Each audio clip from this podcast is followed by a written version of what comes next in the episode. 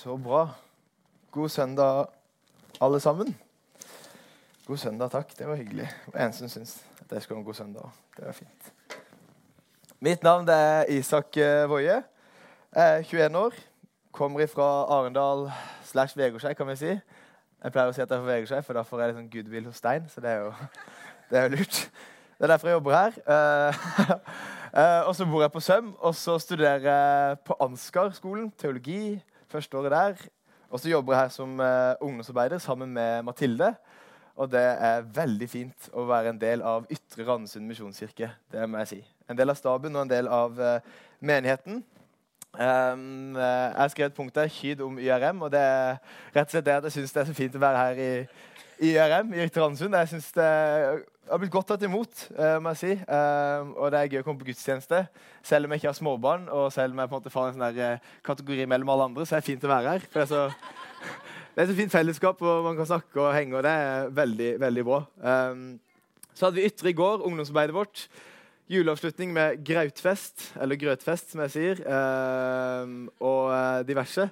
Veldig, veldig fint hatt en veldig fin høst. Starta opp og har eh, god støtte fra voksne og god støtte fra mange rundt. Og det er gøy. Det er godt. Da er det fint å arbeide når man har støtte fra menigheten.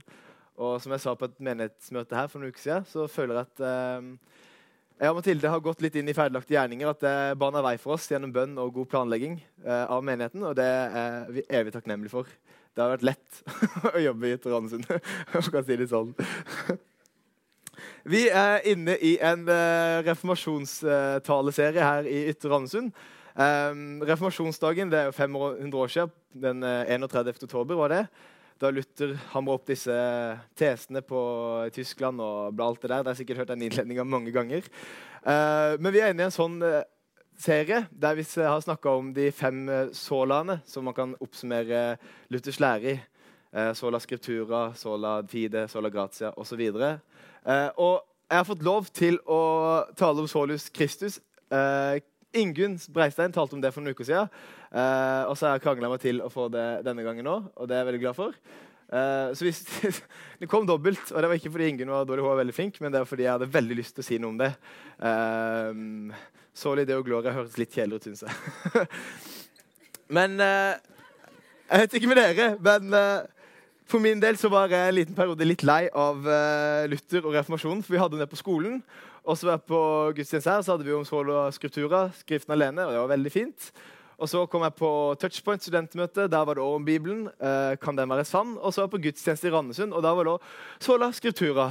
Og da med flere timer på skolen om reformasjon reformasjonen og alle innledninger, og alt sånt, så var jeg litt sånn Nå er det en liten pause fra Luther og for alt det der, kjente jeg. Uh, men så, det, så, kom jeg over en film eh, som jeg fikk anbefalt. Eh, den her. Luther eh, fra 2003, som handler om Luther og eh, starten av reformasjonen og alt det der. Ehm, så, hadde, så, brukte jeg en fredag på å se den. Den var i to timer. Eh, og da fikk reformasjonen et litt annet ansikt for min del. Det er på en måte litt, eh, Hvis du ser hvem Luther er, og, og på en måte det han sleit med, og det han syntes var vanskelig med den den læren som kirka holdt på med på den tida der. De var gått inn i et spor der du måtte gjøre opp for deg gjennom handlinger og penger, og du kjøpte av, eh, avlatsbrev, og du eh, klatra opp noen trapper og betalte, så slapp bestefar 500 år i skjærsilden og alt det der. Og så ser man hvordan Luther bare slåss med alt det her, og hvordan gudsbildet til Luther ikke stemmer med hvordan han, han, leser i Bibelen, og hvordan den læren som kirka eh, lærte andre og viste, det, liksom, det funka ikke for han. Så han starta en reformasjon og hadde noen teser som han hang opp på en vegg imot det som eh, han mente kirka gjorde feil. Og så starta en reformasjon, og så har Luther på en måte gjenoppdaga nåden og gjenoppdaga det som er Og det er da fem solas. Skriften alene, troen alene, nåden alene, Kristus alene og til Guds ære alene. Og så, det, så Jeg har blitt veldig glad i det å se at Luther hadde, var ikke bare en fyr i en historiebok, men han hadde et ansikt og han hadde en personlighet, og han hadde sine kamper, han òg. Og så tok han det, og så skapte han en reformasjon, og så henta han på en måte kirka litt tilbake igjen, tenker jeg, til det som er kjernen. Um, og det er jeg veldig glad for at uh, han gjorde, at han gjorde det, at han tok liksom litt tak, for å si det sånn. Um, og så er det Solus Kristus, som jeg skal snakke om. Uh, Kristus alene. Og uh, for min del så har det vært mye tanker som har snurra, mye ting som har eh, holdt på å skje, jobbe inni meg når jeg har tenkt på det temaet og jobba inn mot talen. Uh, og så har jeg ikke klart å strukturere det. Uh, så det blir litt at Jeg hiver opp uh, en del tanker rundt det her, og så prøver jeg å hente ned noen på slutten. men så tror jeg det er litt fint, det òg. Jeg er vant til å snakke til ungdom, og da må du ha en veldig struktur. og du må liksom få det med hele veien, Men jeg håper at dere kan henge med, selv om det er kanskje litt høyere konsentrasjonsevne enn de. håper jeg, for deres skyld. men, men det er i hvert fall min tanke, at jeg slenger opp litt. Og så er det litt sånn så har, så har jeg, skrevet en oppgave på skolen om eh, et skriftsted i Matteus, om eh, da Jesus ble forvandla. Vi skal lese den teksten etterpå. Og Jeg prøvde å hente litt inn derfra. Og så er det mye som på en måte skal hives opp, eh, som jeg håper jeg kan dra ned litt eh, mot slutten, og samle inn under det at Solus Kristus, det er Kristus alene. Um, og det tror jeg Det har jeg kjent på at Kristus alene der er det noe for min del som jeg må jobbe med og som jeg må grave meg inn mot nok en gang. Og hente meg inn til kjernen at det er Kristus alene.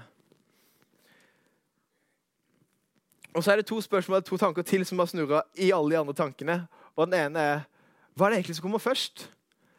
Hva er det som kommer først i min tro, eller hva er det som kommer først når jeg tenker på, på at jeg er en kristen? Er det at jeg går på møter, at jeg ikke banner, og at jeg henger med noen venner som har samme verdier? og sånn, Eller er det at det er Kristus som har redda meg, som har tatt min straff. Som har gått i døden for meg. Er det det som kommer først? Hva er det som kommer først i min tro? Det er et spørsmål som, jeg, som kan ligge litt kanskje i bakgrunnen av det jeg sier nå. at Hva kommer først? Av det vi tror på og det vi jobber med, hva kommer først? Og så er det en annen tanke som er at det er mer enn det her.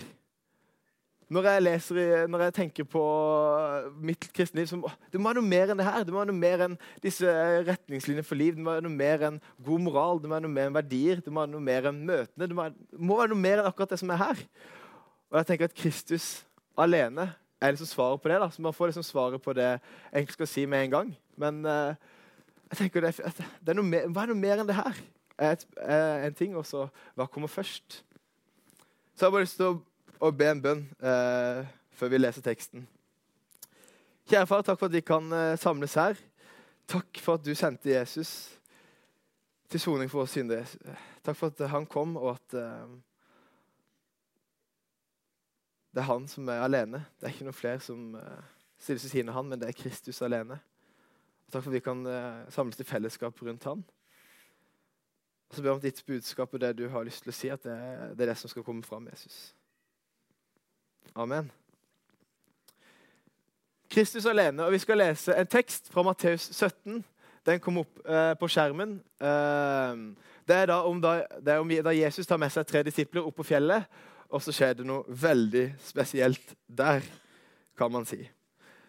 Seks dager senere tok Jesus med seg Peter, Jakob og hans bror Johannes og førte dem opp på et høyt fjell hvor de var alene. Da ble han forvandlet for øynene på dem Ansiktet hans skinte som solen, og klærne ble hvite som lyset.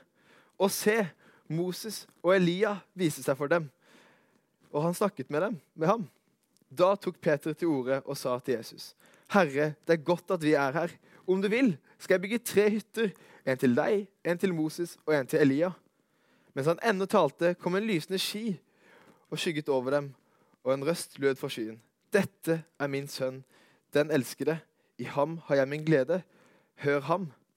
Da disiplene hørte det, kastet de seg ned med ansiktet mot jorden, grepet av stor frykt.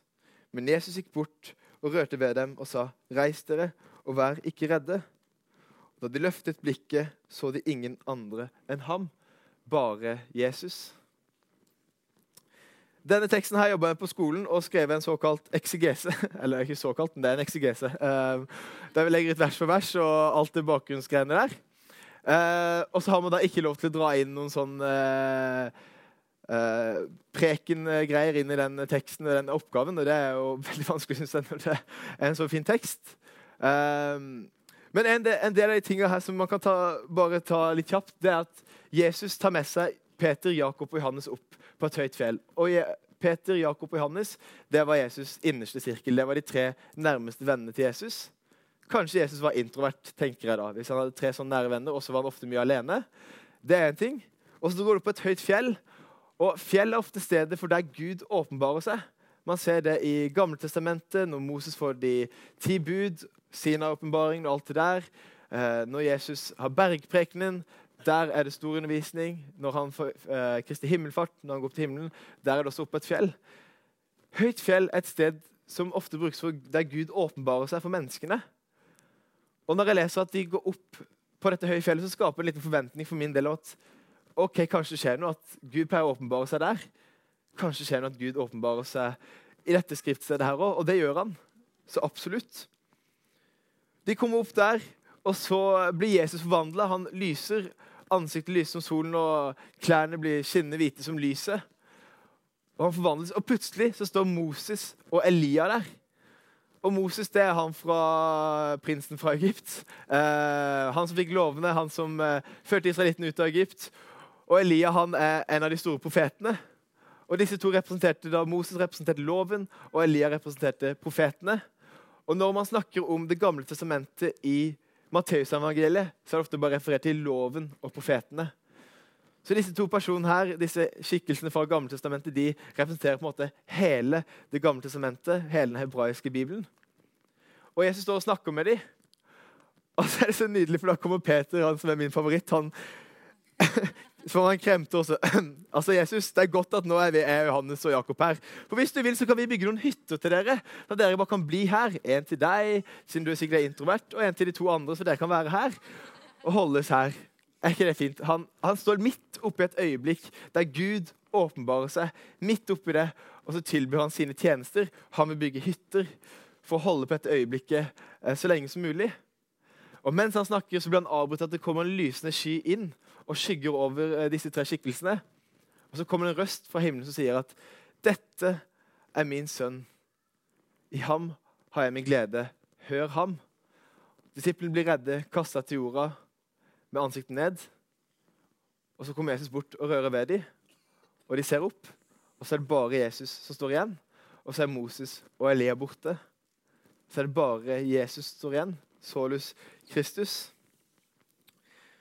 Og så er det, har jeg tenkt på den teksten her, og så har jeg tenkt på Solus Kristus. Hvordan ser det ut i mitt liv?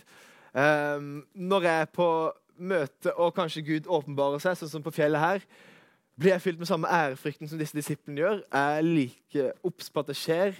Er jeg like overgitt til det som disse disiplene. er? Hvordan får dette Solus Kristus uttrykk i mitt liv? Handler det bare om at jeg går på møter, jeg har slutta å banne, jeg studerer og leser Bibelen, leser en bok, og litt sånn, eller er det noe annet som kommer først?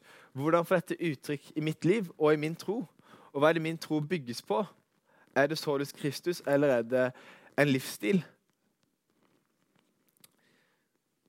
Hvorfor kan jeg si at jeg er en kristen? Er det fordi jeg har den rette teologien, eller er det fordi jeg er blitt redda av Jesus og jeg tror på han? Det er, noe, det er fortsatt noen av de spørsmålene som, som løftes opp inn hodet mitt um, når jeg tenker på det her. I min leilighet, Marekollen 3D, så er vi ti, ti, kompiser. Det var ti minutter. Så har vi tre kompiser som bor, fire kompiser som bor sammen. Jeg bor med tre andre. Og Vi pleier ofte å se mye på, ser mye på TV sammen. Ofte, helst fotball, Premier League og alt det der. Eh, lørdagen er ofte satt av til det. Og søndagen etter gudstjeneste. Men så er det noe annet vi holdt på å se på i det siste. Og det er 'Reisen hjem' med Egil Svartdal. Uh, vi er jo to stykk uh, som har fått lov til å være sammen med Egil og spise lunsj og med den andre. Så vi har veldig sånn, føler at de er kompis med Egil Svartdal. Han er jo han er høy, veldig høy stjerne hos oss, og da er det viktig å se når han er på TV. Reisen hjem. Da besøker Egil Svartdal diverse kjendiser. Uh, Snåsamannen, Charter-Hilde, John Michelet, Jon Niklas Rønning. Alt du kan tenke deg. Og så snakker han med de om deres troshistorie og da livshistorie. Hvordan disse to har påvirka hverandre. Og det er fryktelig interessant å se på det, og hvordan de uttaler, eller setter ord på sin tro.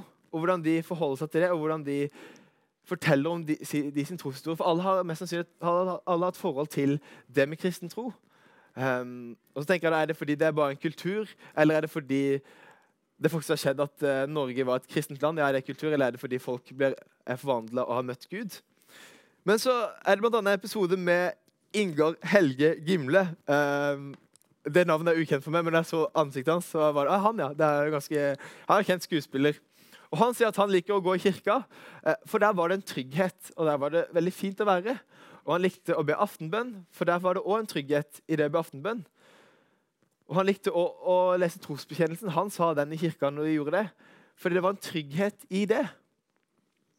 Og jeg tenker at Det er sant. Det er en trygghet i det. Men er det noe mer enn det? enn bare en trygghet? Per Fugli, episoden med han, den er verdt å se. Der eh, forteller Per Fugli at han har lyst til å tro, men han klarer det ikke. Han har lyst til å tro, men han klarer det bare ikke. Og så ser han på Jesus som et godt forbilde. Han ser på Jesus som en rettferdighetskjemper og en trygghetsskaper. Men Jesus må være mer enn det. Han må være mer enn bare en trygghetsskaper og rettferdighetskjemper. Må, altså, hvis det er Gud som har kommet til jorda, så må han noe mer enn det der.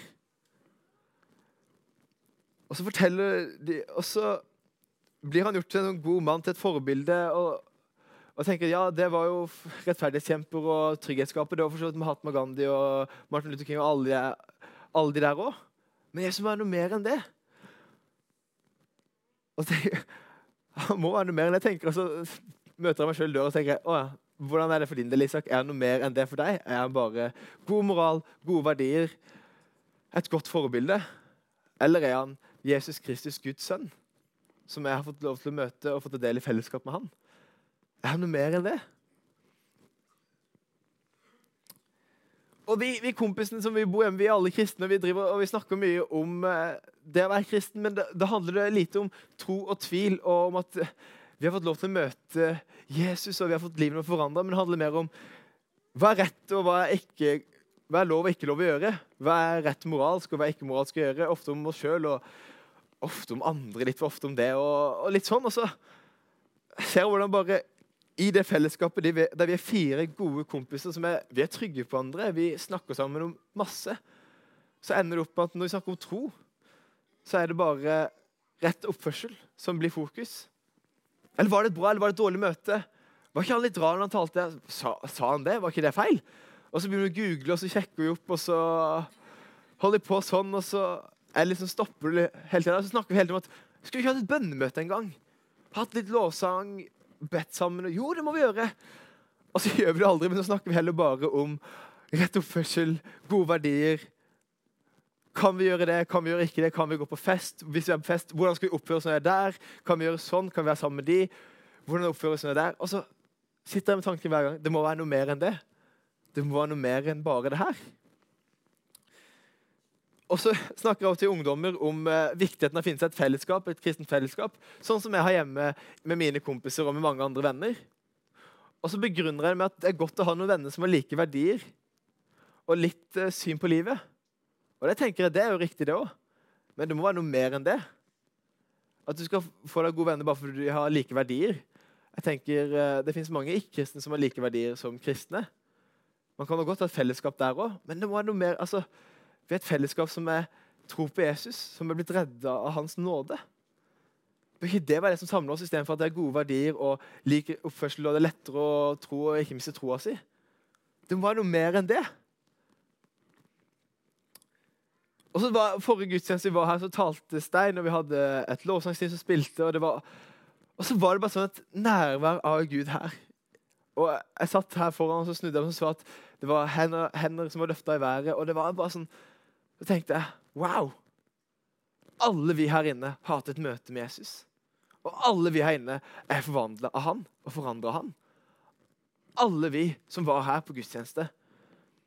Vi er ikke bare en klubb som samles. Og så er Stein en sånn leder som bare deler ut gode råd eller gode moralske poeng. Men vi er et fellesskap som er blitt redda av Jesus sin nåde. Av hans kjærlighet. Vi er et fellesskap som tar del i han. Det må være noe mer enn bare en klubb. Jesus Kristus, Guds sønn, sendt jorda. For så høyt har Gud elsket verden og sendte sin sønn. Den eneste for at hver den som tror på han ikke skal få tatt, men evig liv. Det var det som samler oss. Så fikk jeg så åpenbart ja, det er jo det som samler oss her. Det er jo akkurat det som gjør at vi står her i lovsang og lovsynger. Det er det at vi er redda, og at vi tror på han, Jesus Kristus, som Guds levende sønn. Det er ikke bare gode moraler, men det er Solus Kristus. Kristus alene. Tilbake til teksten, så er, så er det på en måte midt i en sånn derre jeg har kalt det et hellig øyeblikk der det kommer en lysende altså Mos velje er der. De er døde for lengst på den tida der, og i hvert fall nå. Og de, plutselig er de der, så kommer en lysende sky kommer inn, og så kommer Guds røst. Nei, Og så, og så stopper Peter opp der. og så, altså, Gutta, ta en pause nå. altså, Jeg kan bygge hytter for dere, så dere kan bli her. Det første Peter tenker på nå, er midt oppi dette hellige øyeblikket sammen med Moses, Elia og Jesus, det er at han tilbyr sine tjenester for Jesus.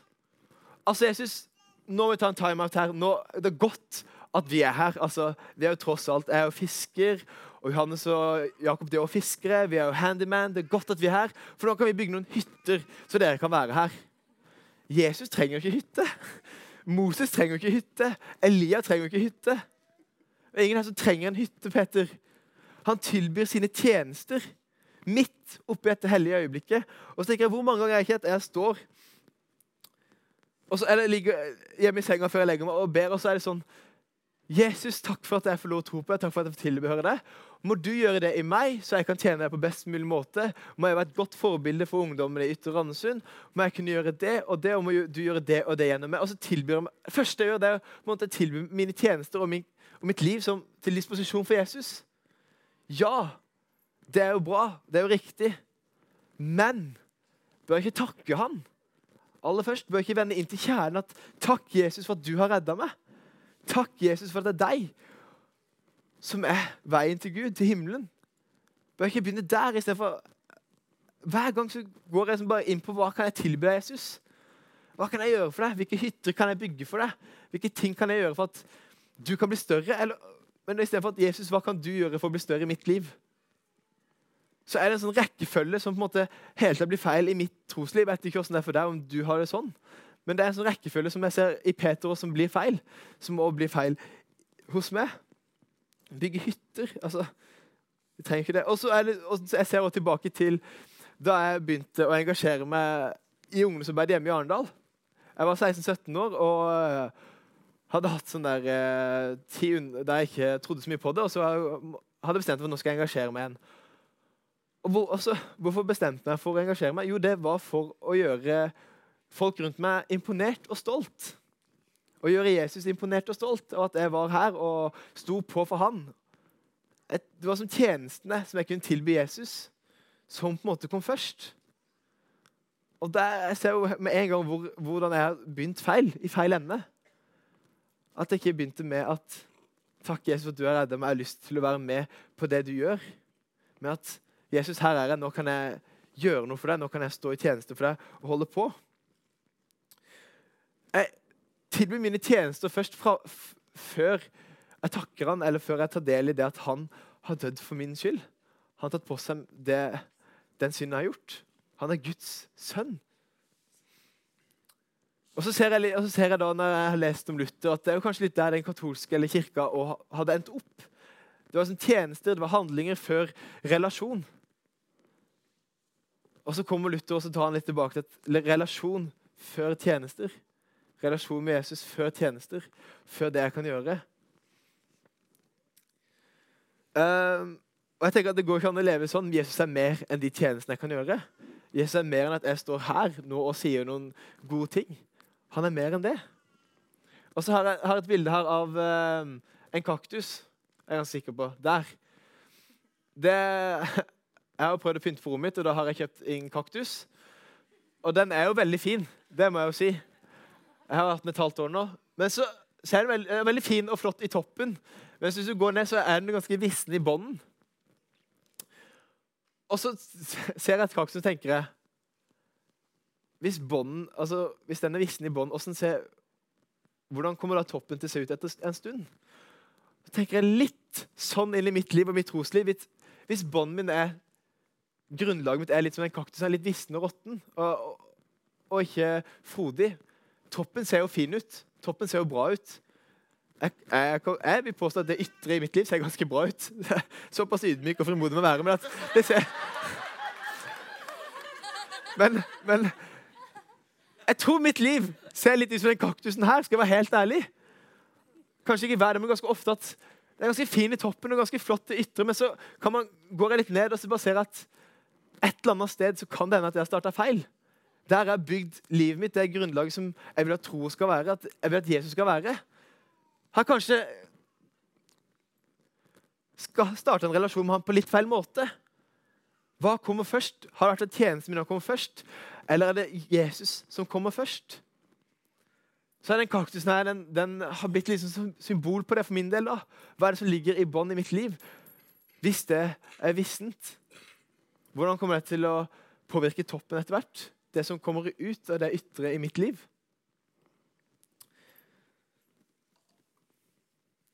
Og blant annet på det så hadde jeg en liten wake-up call nå i høst. for Vi skulle på konfleir med konfirmantene våre. Og jeg skulle være leirsjef. Og Vi var 225 stykker på leir, og det var kjempemange folk. Og så Inn mot den leiren her så var det veldig fokus for min at jeg skulle være leirsjef. Og det er veldig bra at man er bevisst på den rollen, men så var det veldig at wow! Isak skal være leirsjef. Wow! Altså, Fy søren, så kult. Den leiren må bare bli bra. Eller nå må den leiren bli bra. Hvis ikke så har Isak dumma seg fullstendig ut. Så ble den der konfleiren litt sånn Prosjekt Isak. Hvordan kan Isak som en god leder sette sammen i stand en god leir for alle disse her? Alle disse 224 andre som er på leir. Hvordan kan Isak gjøre det her til en best mulig leir? Og så ble det plutselig handlet om det, at Isaks sitt prosjekt skal gå i oppfyllelse, enn at konfirmantene skulle få et møte med Jesus. Hva kom først? Og så leste jeg i andre korinterbrev eh, Og så kom jeg til kapittel 4, vers 5. Jeg tror det kom på skjermen, det òg. Vi forkynner ikke oss selv, men Jesus Kristus som Herre. Og så ble det en wake-up call for min at det er ikke først og fremst prosjekt Isak som skal skje oppe på Vegårtun denne helga her. Men det er Jesus Kristus som Herre. Det er han. Mitt største ønske måtte jo være at ungdommene skulle få et møte med Jesus ikke at det skal bli en vellykka leir, så jeg kunne slå meg på brystet og legge meg med god samvittighet. Hvilken rekkefølge kom ting i? Det hadde liksom starta på et feil sted, akkurat den konfleiren for min del. Hva kom først? Det er et poeng som jeg har tenkt mye på. Hva kom først i, eh, for min del i det som handler om min tro, og hvordan jeg angriper livet? holdt jeg på å si? Er det at mine tjenester det det Isak kan gjøre? det kommer først, eller at Jesus kommer først. I januar så var jeg på eh, lederkonferansen til Misjonskirken Norge. Um, da reiste jeg sammen med Jonny Omdal, som var pastor i Salem på den tida der. Um, nå er han rektor i Bergen på bibelskole. Og vi uh, hadde reist tidlig, og vi fløy, sammen. Og så skulle vi sove på hotellrom sammen, og så skulle vi ned og spise lunsj sammen. Og da kom, var det sånn, kom vi til maten, det var buffé. Vi hadde gleda oss kjempelenge, i hvert fall for min del. Jeg jobba som ettåring, og endelig skulle jeg få noe skikkelig mat.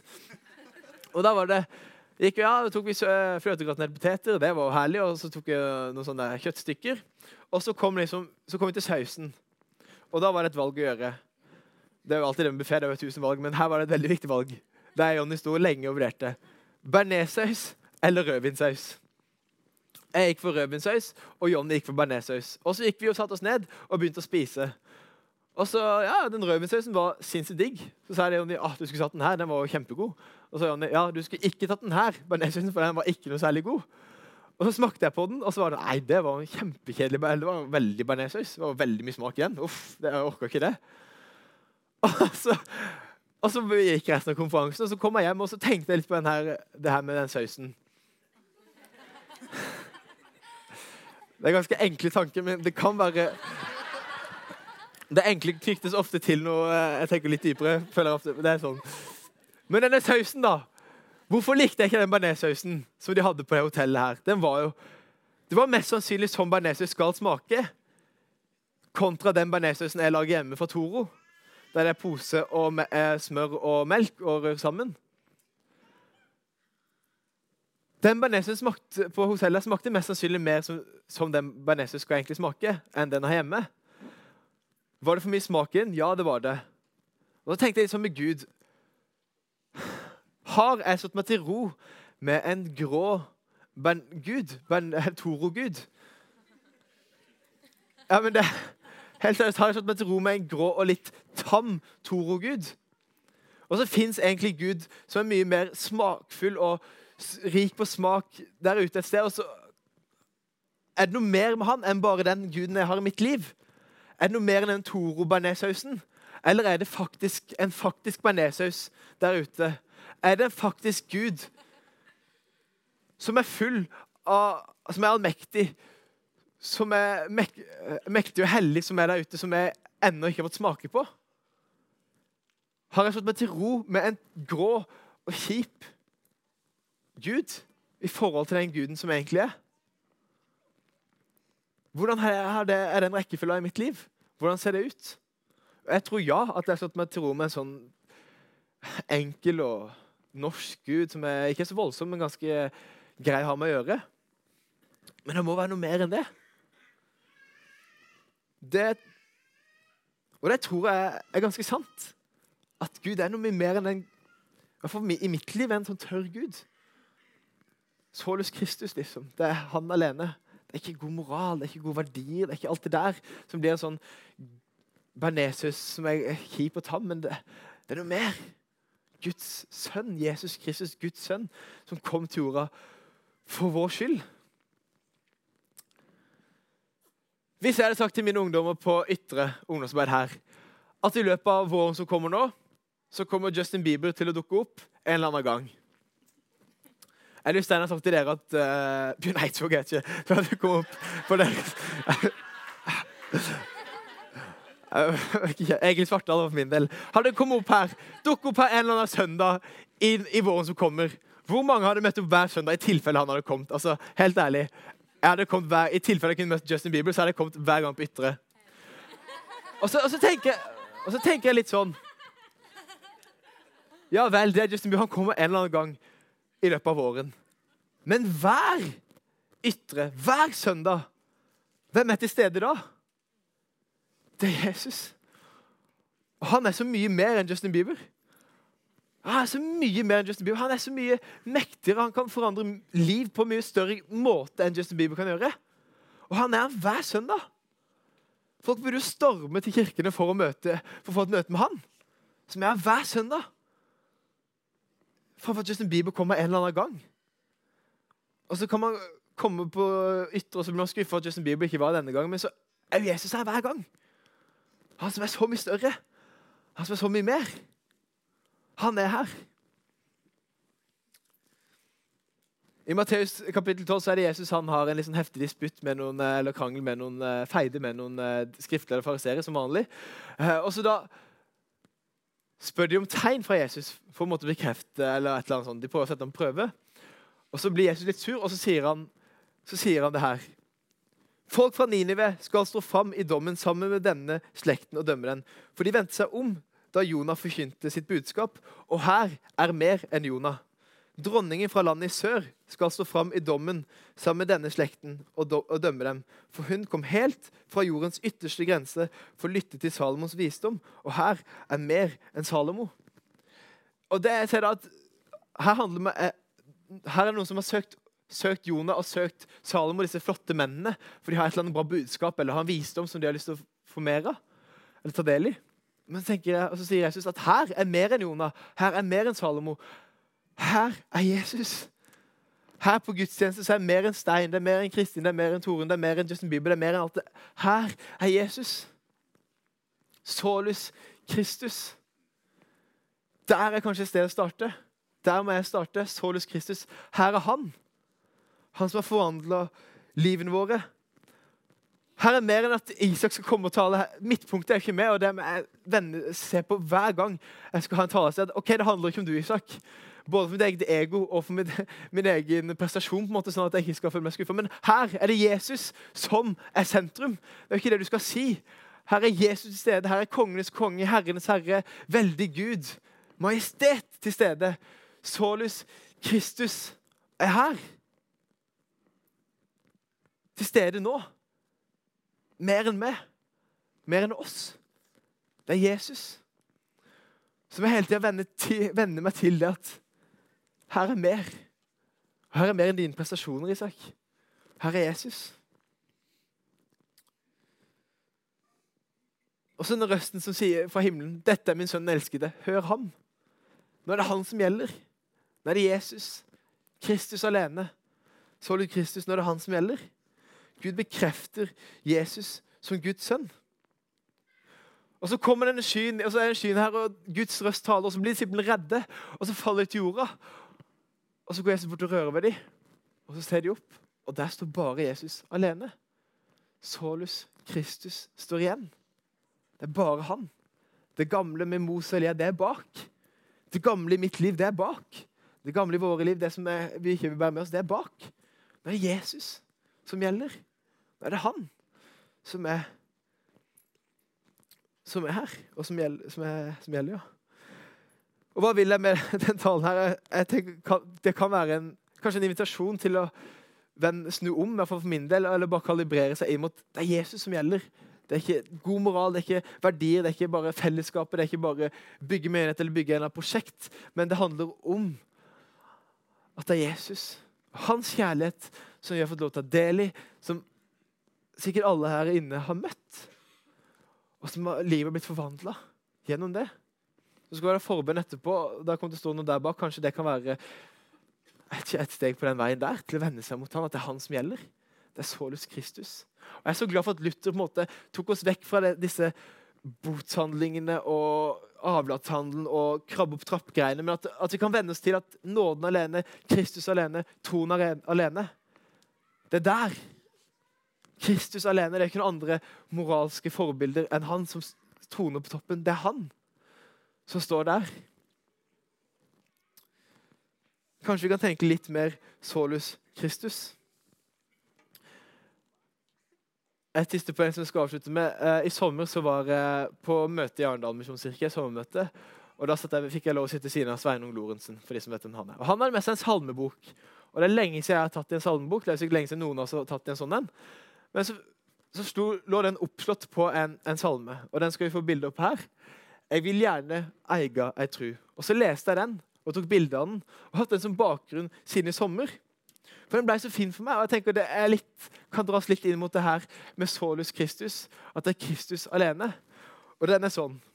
Jeg vil gjerne eie ei tru så sterk og stor. Ei tru som kunne synes i gjerning og i ord. Men når mi trug si sammen, og alt mitt eget verk, da har jeg bare Jesus, og da er trua sterk. Så ble det et poeng for min del som ble så stort. Da har jeg bare Jesus, og der tror jeg vi er sterke. Solus Kristus, det er han som vi kan lene oss på. Det er noe mer enn uh, verdier. Det er således Kristus.